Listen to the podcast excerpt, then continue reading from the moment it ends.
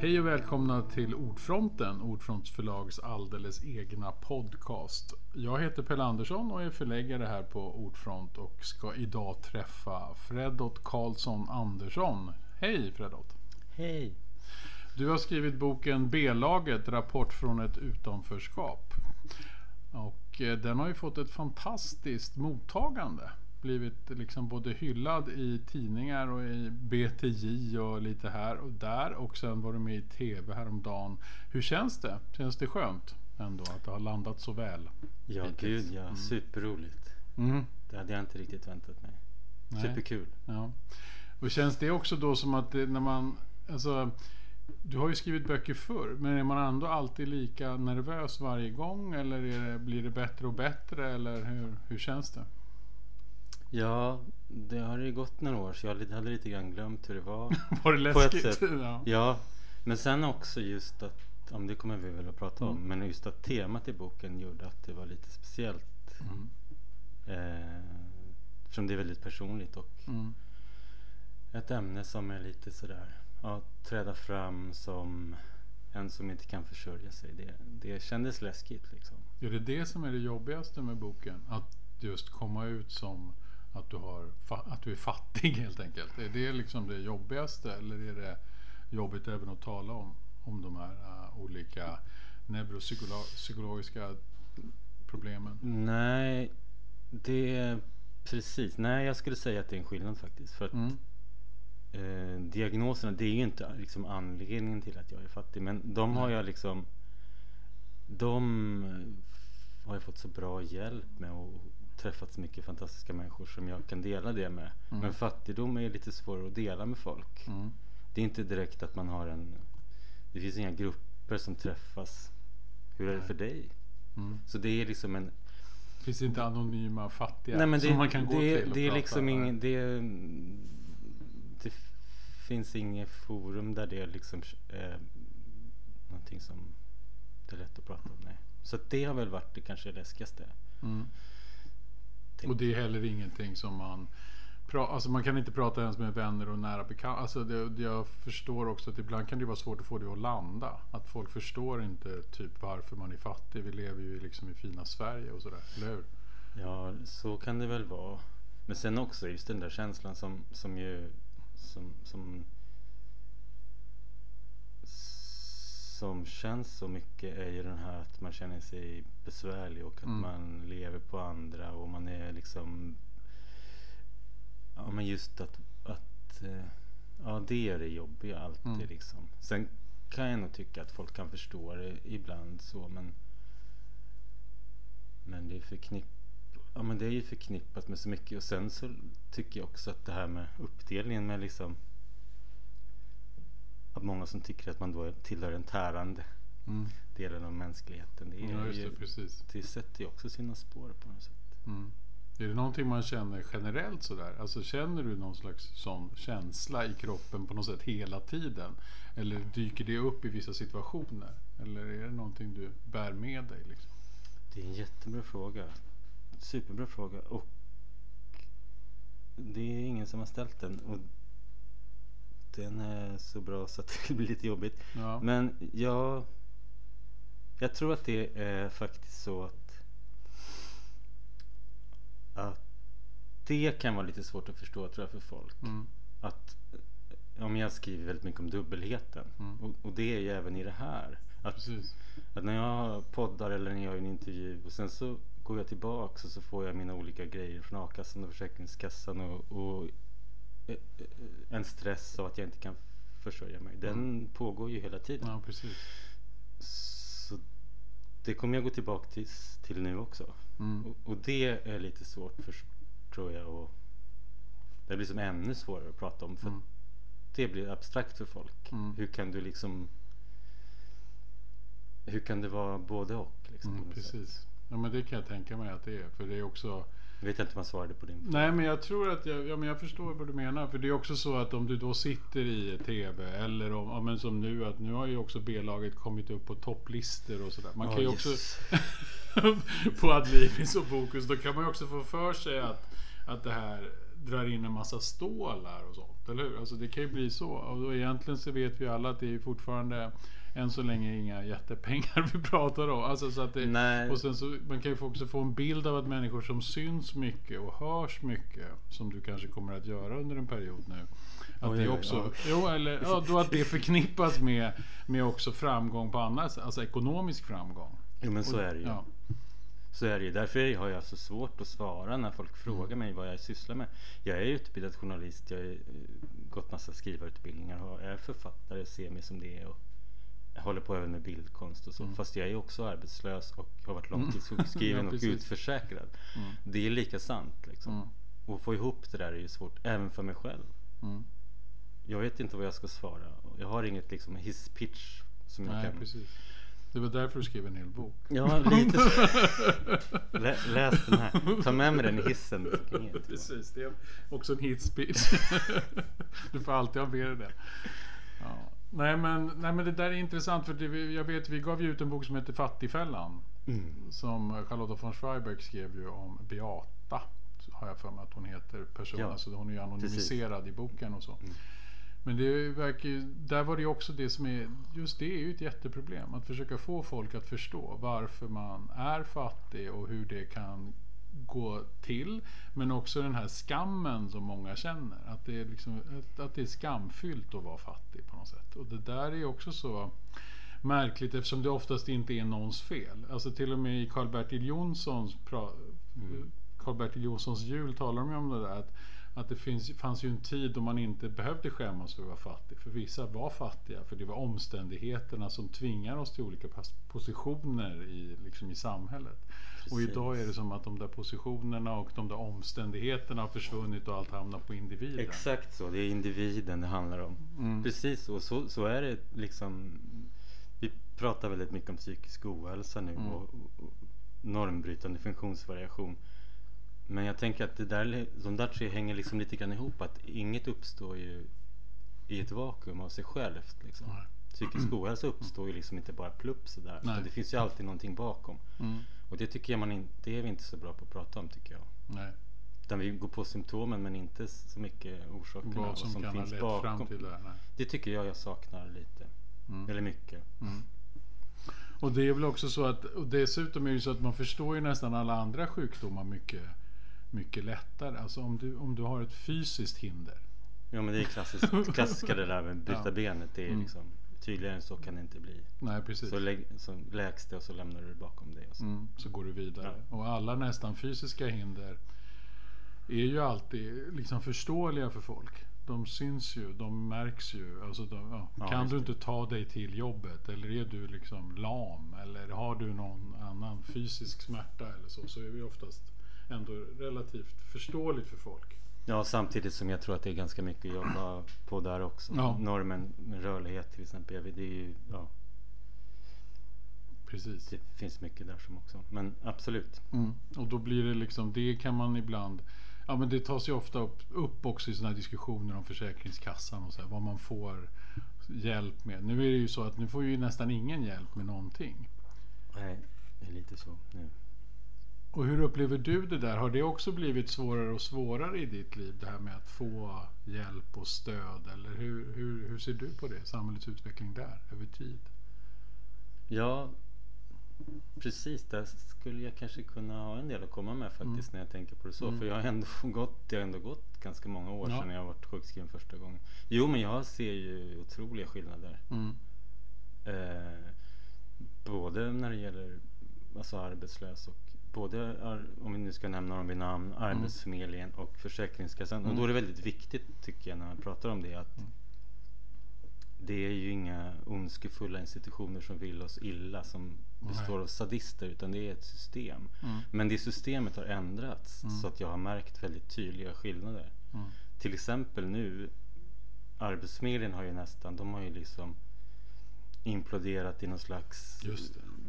De går ju inte ens att, Det finns inga handläggare längre Det finns inga kontaktvägar Det är bara en liksom chattbot Ungefär det enda sättet att kommunicera på Så Mm. de har liksom Hur är det att kommunicera med en sån sig. för dig? det är, Ja men det är ju, det är ju fruktansvärt Ja. Mm. svårt när man liksom inte vet, man skriver det i en funktionsbrevlåda så får man tillbaka anonymt från någon. Jag vet inte riktigt.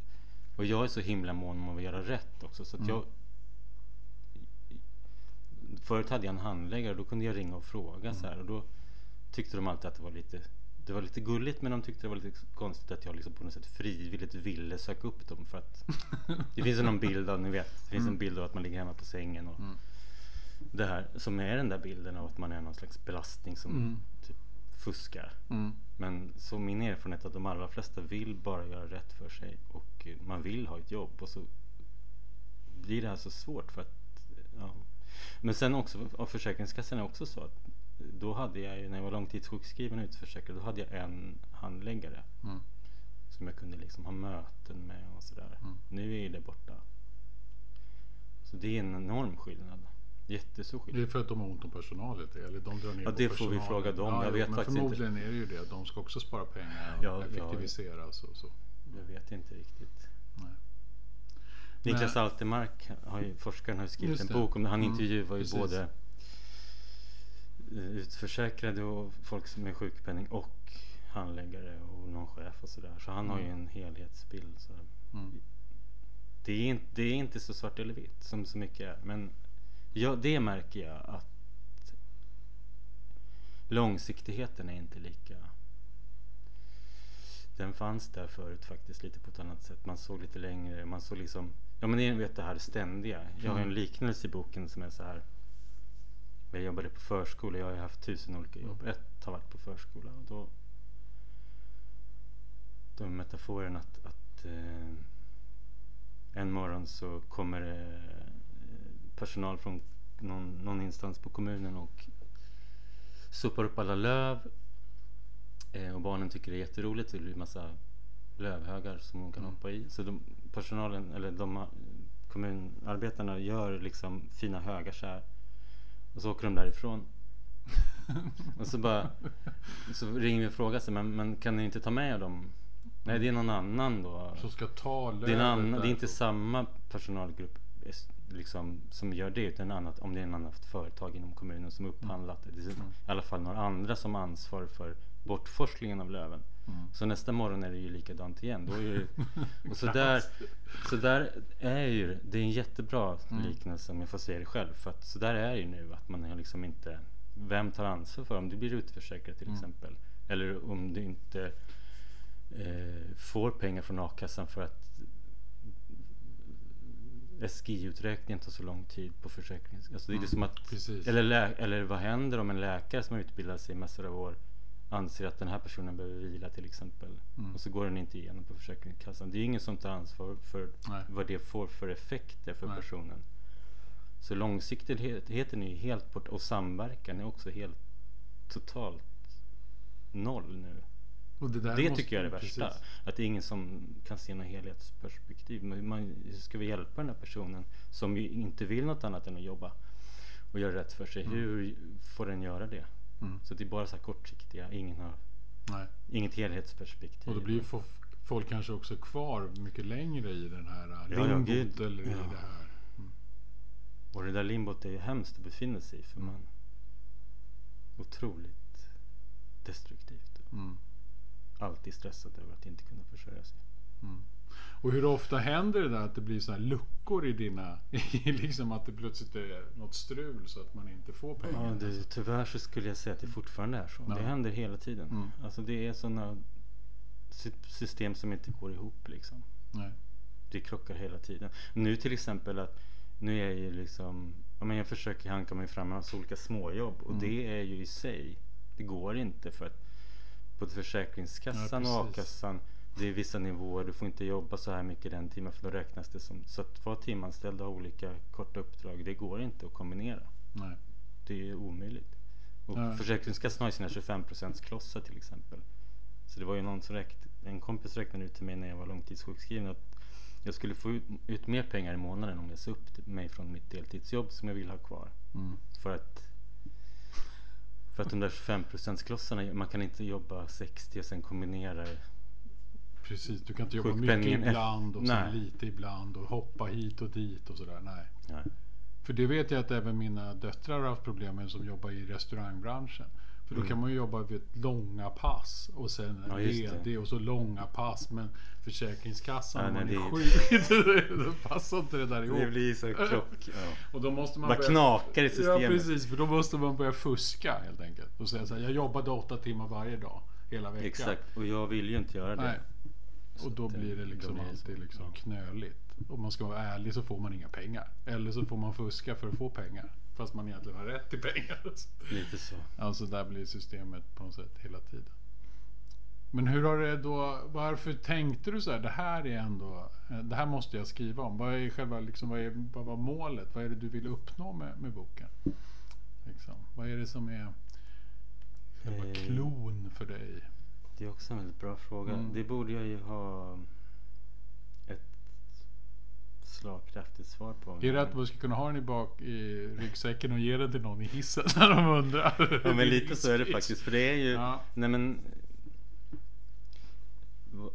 Förlåt, vad var din fråga? Alltså, jo men alltså jag- varför skrev du den? Vad, var det vikt, vad, vad är det du vill liksom lite uppnå? För att jag tänker att jag, när jag läste den så det jag upplever är att jag får en inblick i en värld som jag inte liksom känner till. Man, man är ju nära den ibland för man Mm. har vänner som är sjukskrivna men of, eller det händer något i deras liv. Men oftast kommer man ju tillbaks. Alltså, alltså till, Ja. Alltså efter ett tag kommer man tillbaka till någon slags normalitet. Och, eller vad man nu ska kalla det. Men det, det, det som är fint med den här boken tycker jag är att man får se så många olika sidor av både vad din diagnos gör men också vad det här samhället gör mot dig som har en diagnos och hur svårt det kan vara. Mm, Tack, vad bra. Mm. Det var fint. För det är, ja, men det är väl lite så jag kanske vill visa att det inte är så himla svart eller vitt. Att det är ett intrikat system om man nu vill säga så. Men också, ja, alltså att att som du säger, det, jag tror jag läste någonstans nu att 50% av alla eh, sjukskrivningar är utbrändhet. Så, Mm. och, och, så det talas om det på ett sätt men samtidigt så tror jag inte folk riktigt vet hur det ser ut inifrån. Eh, så, så mm, precis det där som jag sa tidigare att det uppstår ju varken normbrytande funktionsvariationer är ju inte ett hinder. Det uppstår ju med Mm. krockarna med samhället och det kanske var en liten att det vill jag gärna försöka visa hur det kan se ut. Eh, Så det blev lite så här Ja men jag upptäckte när jag då eh, som 49-åring valsar runt i de här olika korttidsanställningarna och lönebidragsanställningar och praktikplatser att jag håller Mm. på att förvandlas till någon slags överåldrad praktikant. Mm. Att Du det ska vara fanns ett, praktikant i pensionen. ja men usch, ja. Mm. Ja, de där små Mm. cyklerna liksom. Mm. Att, samtidigt som jag då som vuxen fick två NPF-diagnoser. Så tyckte jag, men här har jag ju faktiskt ett ämne som journalist att, Mm. som jag inte behöver wallraffa mig till. Nej precis. Eh, så det blev lite motvilliga memoarer. Det var inte riktigt tanken att jag skulle skriva så personligt om mig själv. Eh, men också har jag hört att det är det folk tycker är fint att läsa på något sätt. Att det Ja, men jag tror det, Dag, det- så jag, började, jag fick ju ta in mina dagboksanteckningar och sådär. Så, Mm. Och då tyckte jag att det funkade ganska bra. Mm. Jag tror också att när det blir så djupt personligt så blir det också allmänt på något sätt. Alltså det är då man Ja kan men börja det är kanske så. Man kan ja. börja mäta sitt eget liv mot de här erfarenheterna. Alltså dina erfarenheter mot sina egna erfarenheter. Och även om man har, som jag har jobbat hela livet så, så finns det ju liksom ändå saker där man själv har ändå mått dåligt eller det har funnits problem i livet. Och då kan man ju, då, då kan man få hiska upp sina egna erfarenheter och ställa dem mot dina. Och liksom förstå saker. Ja vad liksom. fint. Ja, I Mm. bästa fall så hoppas jag att det ska vara så. För jag- att, ja precis, förlåt. Kan Nej. jag säga? Mm. Jag menar för att det, det är väl också så att om jag ska ha ett budskap, ja men det är väl att vi är så himla många som, som har lite liknande som jag försöker beskriva. Att det är ju det är inte min personliga tragedi utan det är mångas vardag. Bara Försäkringskassan-upproret som är en Mm. grupp på Facebook har 73 000 medlemmar. Mm. Det säger någonting tänker jag. Mm. Att det är så många som kämpar med det här hela tiden, varje dag. Ehm,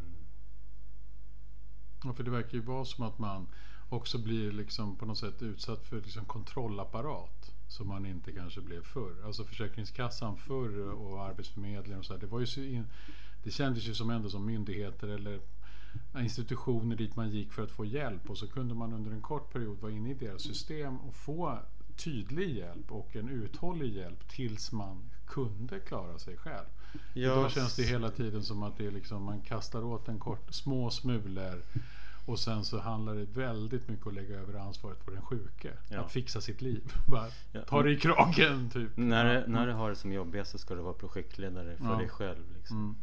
Och det går ju inte. Nej. Det säger sig självt tänker jag. Mm. Ja, det finns ju också liksom en slags misstro hela tiden. Ja, det skulle jag säga faktiskt mm. har varit det värsta med det här. Mm. Alltså att vara stressen av att inte kunna försörja sig, den är fruktansvärd. Mm. Men skammen som kommer av det här att du hela tiden blir misstänkliggjord, att du ses som fuskare fast du bara vill göra rätt. Det är fruktansvärt. Mm. Det skulle jag säga nästan är det värsta av allt. Alltså. Mm. Och det verkar väl vara något som är genomgående för många som liksom har, alltså hamnar i det här. Det är min... Mycket av Försäkringskasseupproret är också ett, ett uppror mot den här känslan av att vara misstrodd, mm. eller hur? Mm. Du ses som en fuskare på något mm. sätt. Um, och som sagt, det är inte för att handläggarna är onda utan för att ja, det är väl politik mm. någonstans. Att det Ja, de har väl ett krav på sig att hela tiden liksom, ja, misstro. Det är väl ett bra utgångsläge. om ja, man vill alltså, spara pengar. I alla, I alla fall mm. att kanske att det ska se bra ut i statistiken. Mm. Precis. Ja. Men det får de få svara på det. Mm. Jag, jag, tänker inte förklara deras uppdrag. Det får de göra själva. Absolut. jag hoppas på att de får komma ut på banan och försöka förklara sig efter att ha läst den här boken. För att det, det är också väldigt så här, drabbande när man läser boken. Det är många tillfällen då man blir så himla ledsen och berörd. Att man inte liksom, varför kan man inte bara vara lite hygglig och hjälpa till? Man blir liksom så här, man blir ju lite, vad ska man säga, det, man blir ju inte, inte hjälplös. Alltså man blir ju uppgiven och ledsen. Man blir så här, vad fan, man vill egentligen skaka om hela systemet på något sätt. Ja, och det är mm. konstigt att inte det händer. Men det kanske har blivit, det, det sägs ju ibland, det kommer ju sådana korta nyheter ibland att det har förlängts vissa. Att man inte blir utförsäkrad lika lätt och sådär. Men det verkar ju fortfarande inte ha blivit så mycket bättre. Jag tror att det går lite långsamt och trögt. Mm. Mm. Men i alla fall så, och det glädjer mig åt, så tycker jag att jag ser en liten debatt om det. Mm. Faktiskt. Um, Ja, nej, men jag håller med. Det där är ju, och det där är till och med när man är inne i det, eller när jag är inne i det så, så har det varit så himla Ja, men det blir så overklighetskänsla. Liksom. Mm. Som till exempel, om jag nu ska ta ett exempel mm. som jag skriver med boken. Mm. Det, ja, men nu förra året, eh, 2021 och Nej, 2020, 2020 blir det två, mm. snart två år sedan. När jag fick covid i första svängen. Mm. Eh, då sjukskrev läkaren mig för att jag hade ganska allvarliga symptom liksom, av covid. Mm.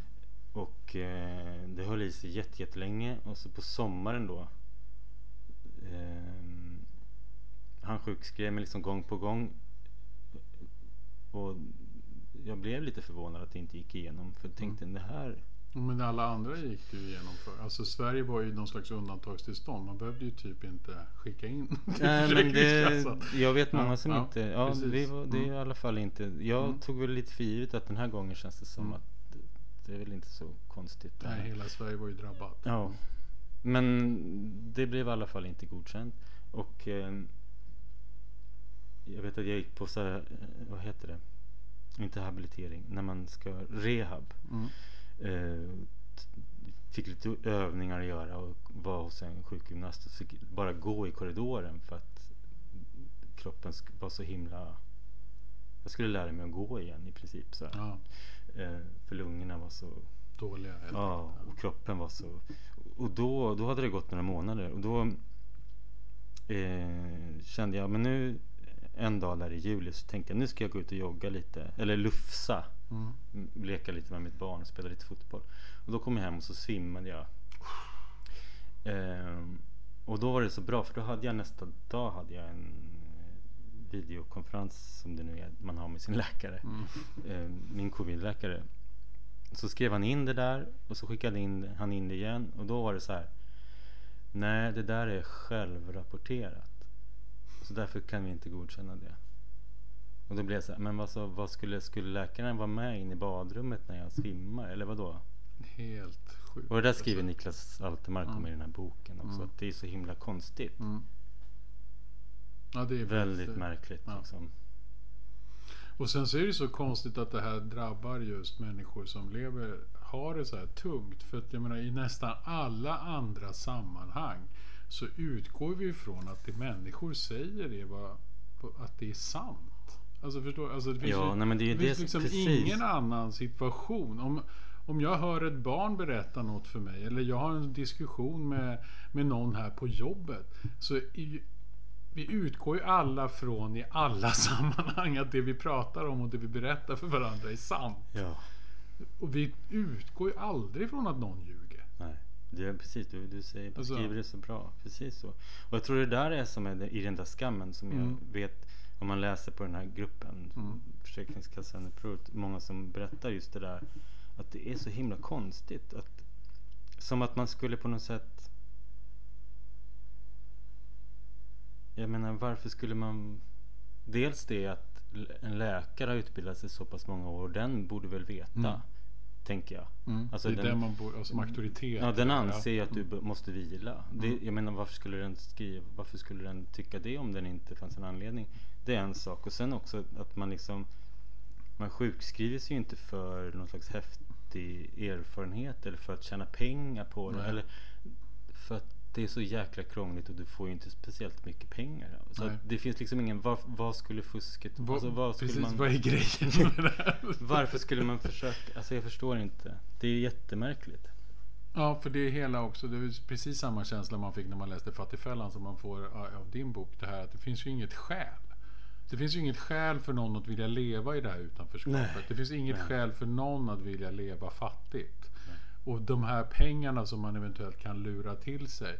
Det är ju ändå så extremt små summor för Mm. den enskilda. Att det vore ju bättre. Nästan alla andra sätt att få pengar är ju bättre. Typ Ja, att vara är jag skulle säga, det är det krångligaste sättet att få pengar på. Så att, Ja. som, ja, Så det, det, det är sådana jackpot och ibland får du inte ens någonting alls. Och då har du bara fastnat, liksom, det blir så otroligt.